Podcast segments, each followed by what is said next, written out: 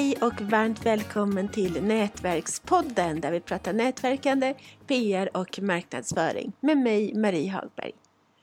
Ett av mina, eller en av mina, kanske heter mina absoluta favoritsysselsättningar det är att skriva. Antingen det är att skriva massa strunt på Facebook, skriva nyhetsbrev, artiklar eller annat. Och en av mina favoritböcker den handlar också om skrivande. Boken den heter Säljbrevsbibeln. Sikta på hjärtat så öppnas plånboken. Och dagens gäst är naturligtvis författaren till Säljbrevsbibeln och tillika min eminenta lärare i copywriting, Christer Maxe. Varmt välkommen Christer! Tack så mycket Marie! Det är kul att få vara med.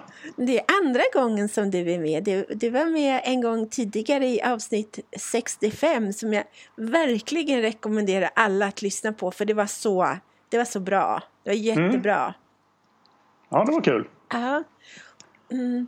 Och första frågan till dig för alla lyssnare som inte riktigt vet. Vad innebär egentligen copywriting? Uh, ja, copywriting innebär att man skriver olika typer av texter som på ett eller annat sätt ska få produkter och tjänster att framstå i bra dagar kan man väl säga. Mm. Ja. Um, copywriting egentligen så handlar det om att skriva saker så att folk vill köpa. ja, härligt. Mm. Ja. Och, och sen så det här med säljbrev. Mm. Vad innebär det? För det är också många som inte vet vad det är. De förstår ja, inte riktigt. Ja. Nej, men från början så är ett säljbrev ett, ett, ett brev skrivet på ett visst sätt som ska sälja någonting som man lägger ner i ett kuvert och skickar ut till folk. Det är vad ett säljbrev är från början. Ett säljbrev kan också vara en del i en DR-kampanj, alltså en direktreklamkampanj när det ligger fler saker i Eh, i kuvertet än bara brevet. Det kan ligga ett brev, det kan ligga en, en liten folder eller en broschyr, ett svarskort och så vidare. Men för mig så handlar det, alltså jag, jag tänker säljbrev om allting. Det spelar inte så stor roll vilket media det är. Om Nej. det är ett inlägg på Facebook eller om det är ett mail. Så är det, för mig så ska de bitarna på ett eller annat sätt eh, sälja produkter eller tjänster. Mm. Mm. Ja, Men det finns ju massa olika sätt att göra det på. Det, det är inte det att, att Eh, men man, våra ord på något sätt måste påverka personer som läser orden att vilja köpa produkterna och tjänsterna. Mm. Vad bra definition. Mm, tack. Hur många säljbrev, jag var nyfiken, på ett ungefär mellan tummen och pekfingret, hur många säljbrev har du skrivit? Oj, vilken kul fråga. Jag har faktiskt ett litet konstigt svar på det. Mm. För flera år sedan, jag tror till och med att du var med på den kursen så, eh, så kunde inte jag sova. Utan jag, var, jag gick upp och, istället för att liksom ligga och räkna får som hoppar över något stängsel så började jag gå igenom min gammal hårddisk och titta på hur många kampanjer jag har gjort. Och jag slutade någonstans runt, tre, runt 350 kampanjer. Åh oh, herregud. Eh, och det, alltså det var mycket, mycket mer än 350. Jag har gjort Alltså utan att överdriva närmare tusen kampanjer säkert. Om man, om man räknar allt, alla saker som jag har gjort i dem. Ah. Ah. Och det är ju vissa, alltså vissa kampanjer är ju kanske tre, tre olika säljbrev men säljbreven är jättelika liksom. Så då, då, då, räknar jag det som tre olika i så fall. Men, uh, men uh, utan att överdriva, säg, vi säger 400 då. Då ska jag inte överdriva alls. Det är skitbra. Mm. Ja men den där efter det efter den kursen då som, du hade, som jag var med på, den första där, eller jag har varit med mm. på några av dina kurser, men mm. just den, jag tjänade in den, den um, avgiften på, på bara några veckor. Mm. Det är kul. Ja, det var jättekul. Mm. Jag var så pepp på att skriva efter den. Jag var så superpepp. Mm. det, var så, ja, det var så roligt. Det var jätteroligt. Ja, kul. I ett säljbrev då så bör man ju ha med en bonus för att eh, sälja lite mer. För att locka folk över liksom gränsen eller vad man ska säga. För att få mm. dem att ta steget. Mm, hur, hur ska man tänka runt bonusar och har du förslag på bonusar? För det går jag att fundera på väldigt mycket just nu. Mm. Alltså bonusar handlar ju om, precis som du säger, det handlar om att knuffa folk över kanten. Mm. Någonstans och säga ja, det här vill jag ha. Eh, och tvärt emot vad de flesta tror så behöver bonusarna inte vara eh, det behöver inte vara några dyra grejer. Utan det kan vara, alltså jag har använt bonusar som trisslott till exempel. Om du beställer innan den 7 januari så bjuder vi på en trisslott. Det är alltid bra att kunna använda trisslotter för då kan man säga att du har chansen att bli miljonär, vilket man har. Mm. Även om sannolikheten inte är jättestor. Mm. Eh, men när det gäller bonusar så ska man ta en funderare på eh, det behöv, man behöver inte ha en bonus som är relaterad till produkten. Däremot så tycker jag att bonusar som relaterar till produkten är bättre. Till exempel idag hade jag eh, ett, ett eh, vad ska man kalla det för? Det var inte ett säljsamtal. Jag, hjälp, jag hjälpte en, en kund med, med en kampanj som de håller på med på Facebook och då ger de X procent i rabatt på den här produkten. Men när vi kikade runt eh, på alla andra produkter de hade då hittade jag en annan billig produkt som var relaterad till, till den här produkten. Och då tänkte jag, då frågade jag, men vet du vad, kan inte istället för att ni ger rabatten, kan ni inte göra ett test och ge bort den som bonus istället? För att se om, eh, om det ger bättre resultat än att bjuda på rabatt. Så att jag tycker det är bäst om, om, om produkten är relaterad till, till eh, eller om bonusen är relaterad till produkten men den behöver inte vara det. Bara man, man måste räkna lite på det först. Beroende på vad som förr i tiden när man sålde tidningsprenumerationer till exempel då var det ju plädar och, och eh, köksprylar och massa grejer man fick extra om man, om man prenumererade på tidningar. Då måste man ju se till att, att det inte blir för dyrt med bonusen så att man har råd med den. Mm. Mm. Men en trisslott är ju smart. Alltså det klämmer jag jämt bort, men det är ju faktiskt jättebra. Ja, det är lite tråkigt tycker ju de flesta de föreslår det. Men, men jag har aldrig sett att trisslotter inte har funkat bra. Folk mm. älskar att, att skrapa triss. ja.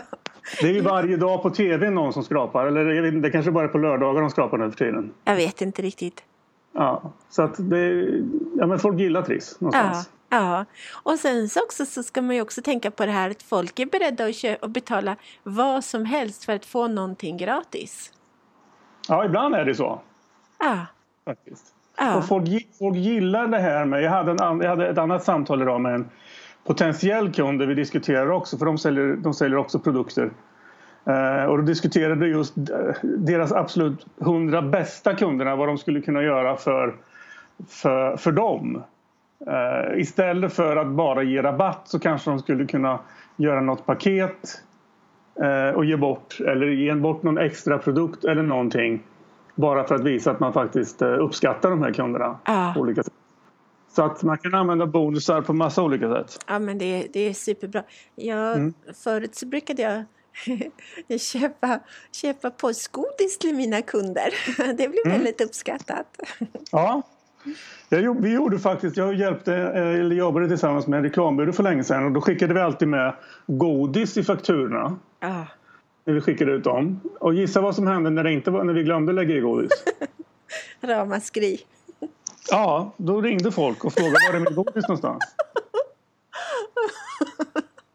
Men det är ju superbra. Ja. Det är bra tillfälle också att få lite extra kontakt med kunderna. Precis. Ja, superbra. Jag tänkte också rubriker. Skulle du vilja mm. prata lite om rubriker? För rubriker är också så otroligt viktigt i ett säljbrev till exempel. Mm. Jag satt faktiskt i, eh, jag har, håller just på att skriva ett säljbrev, en riktig idé som ska gå ett kuvert ut till, till folk. Och då började jag med... Ja, men så vi, prat, vi har ju pratat massvis om rubriker på, på kursen som du är med på eller på mm. utbildningen som du är med på. Ja. Och en, ett av sätten att göra en, det enklaste sättet det är att bara säga för dig som har det här problemet, här är den här lösningen. Mm. Till exempel för, um, det, kan vara allt ifrån för dig som cyklar i Stockholm till exempel om man har någonting som handlar om cyklar. Eller för dig som, eh, för dig som tycker om att laga mat men inte riktigt får till det. Eh, för dig som är 30, eller för, 30, för kvinnor 35 plus som vill X till exempel. Mm. Det är ett enkelt sätt att göra det på. Eh, rubrikerna måste ju fånga personens intresse. Annars är vi borta. Så vi måste fånga deras uppmärksamhet och få dem intresserade av att läsa vidare. Det är allt vad rubriken ska göra. Eh, man kan ju lura folk med clickbaits och grejer som de kör, en del kör med på nätet. Det är inte så bra att göra det om, saker, om, om rubriken inte har någon relation till, till, eh, till eh, produkten. Då kommer inte det funka. Jag fick hjälp en gång att skriva ett säljbrev. Mm. Och, och då så, det var när jag drev omvänd PR-byrå och då så, så var rubriken någonting att eh, grattis, du var med på framsidan av Dagens Nyheter idag och sånt där. Mm. Men det var ju folk inte. De, var så, de blev så arga på mig. Mm. Och det stod ändå i första meningen typ att någonting att nej, det var det ju inte. Eller så. Men mm. det hade kunnat vara om det hade liksom varit med på min tjänst. Mm. Men folk blev jättearga för, mm. för det.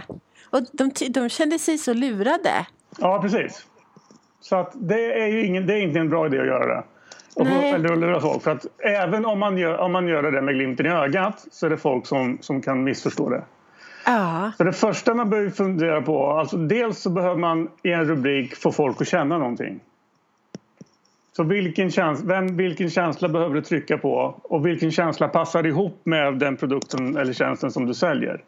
Sen finns det en massa rubrikformer. En av mina gamla favoritrubriker är den här äh, klassikern som handlade om eh, de skrattade när jag, satte mig, när jag satte mig vid pianot men när jag började spela. Och sen handlar hela storyn om eh, en kille som inte kunde spela piano men som lärde sig själv på någon sån här postorderutbildning.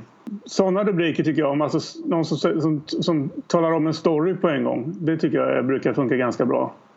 Mm. Och sen problemrubriker, alltså att man trycker upp ett problem i rubriken för rätt målgrupp. Det kan också funka bra. Funkar speciellt bra när det gäller e-postmarknadsföring. Att man hellre pratar om någon sorts problem i, i ämnesraden än att man säger någonting positivt. Det, folk, folk gillar ju inte egentligen att göra det. De, de flesta vill ju vara positiva i, i, sin kommunikation. Men jag har märkt, framförallt när det gäller e-post, att, att problem i ämnesrader funkar mycket bättre. Jag ska ge ett exempel på det. Jag har en kund som hjälper företag eh, hålla ordning på fastigheterna på massa olika sätt. Allting ifrån att ta bort klotter till att se till att, se till att eh, ventilationen är ren. En av deras, tjänst, deras tjänster är att se till att det inte är några fåglar runt fastigheten. För fåglar kan skapa rätt mycket strul. Mm. Eh, på, på massa olika sätt. Och då skrev jag en rubrik, en rubrik som var eh, Har du sett fåglar runt din fastighet? Frågetecken. Och sen se upp för det här. Punkt, punkt, punkt. Och det funkade jättebra. Vad är öppningsgraden när man har haft en bra rubrik? Alltså en generellt bra öppningsgrad om du skickar till, till, till om du har en lista som du, som du mejlar till då bör det ju ligga på i alla fall runt 30 procent. Runt 30 procent. Mm. Det är hyfsat bra. Mm. Eh, man ska alltid försöka jobba sig uppåt. Eh, jag har en kund som började på, jag vet inte, de låg på 23 någonstans och nu har vi varit uppe i, vi har varit uppe på 45, vi har varit uppe oh. i 50 procent eh, öppningsgrad också. Herregud så mm. bra. Ja, men då har, vi jobbat, då har vi jobbat ganska länge och ganska hårt med att få fler att öppna och skapa bättre mejl. Se till att det finns en intressant information i mejlet som är relevant för dem som, som, som öppnar. Ah. En sista fråga då, runt det. Hur kommer man på bra rubriker? Man, man gör sin research om målgruppen så man vet vilka man pratar med. Sen gör man sin research kring produkten eller tjänsten. Sen så behöver man fnula ut vilket problem är det som vi faktiskt löser för folk. Och har de här personerna det här problemet så, så trycker vi in det i, i ämnesraden. Eh, man kan också inspireras av alltså allting från tidningsrubriker till rubriker som du själv får i, i mejlen. Jag tycker inte att man ska sno, eller man ska inte sno någons rubrik rakt av. Däremot så kan man inspireras av någonting. Mm, så, länge man, ja, så länge man inte tar det ord för ord. Liksom. Men det var superbra. Alla som vill ha kontakt med dig, hur, hur får de kontakt med dig? Eh, just nu så har jag en sajt som heter maxesplace.se där jag har mina kurser på. Där kan man få kontakta mig eller så får man kontakta mig på krille.maxe.nu och sen finns jag på LinkedIn. Det är mitt namn, Christer Maxe, på LinkedIn. Där kan man också få kontakt. Ja, men det är superbra. Mm. Stort tack Maxe för att du ville vara med i Nätverkspodden. Ja, tack själv Marie. Det var jättekul. Tack.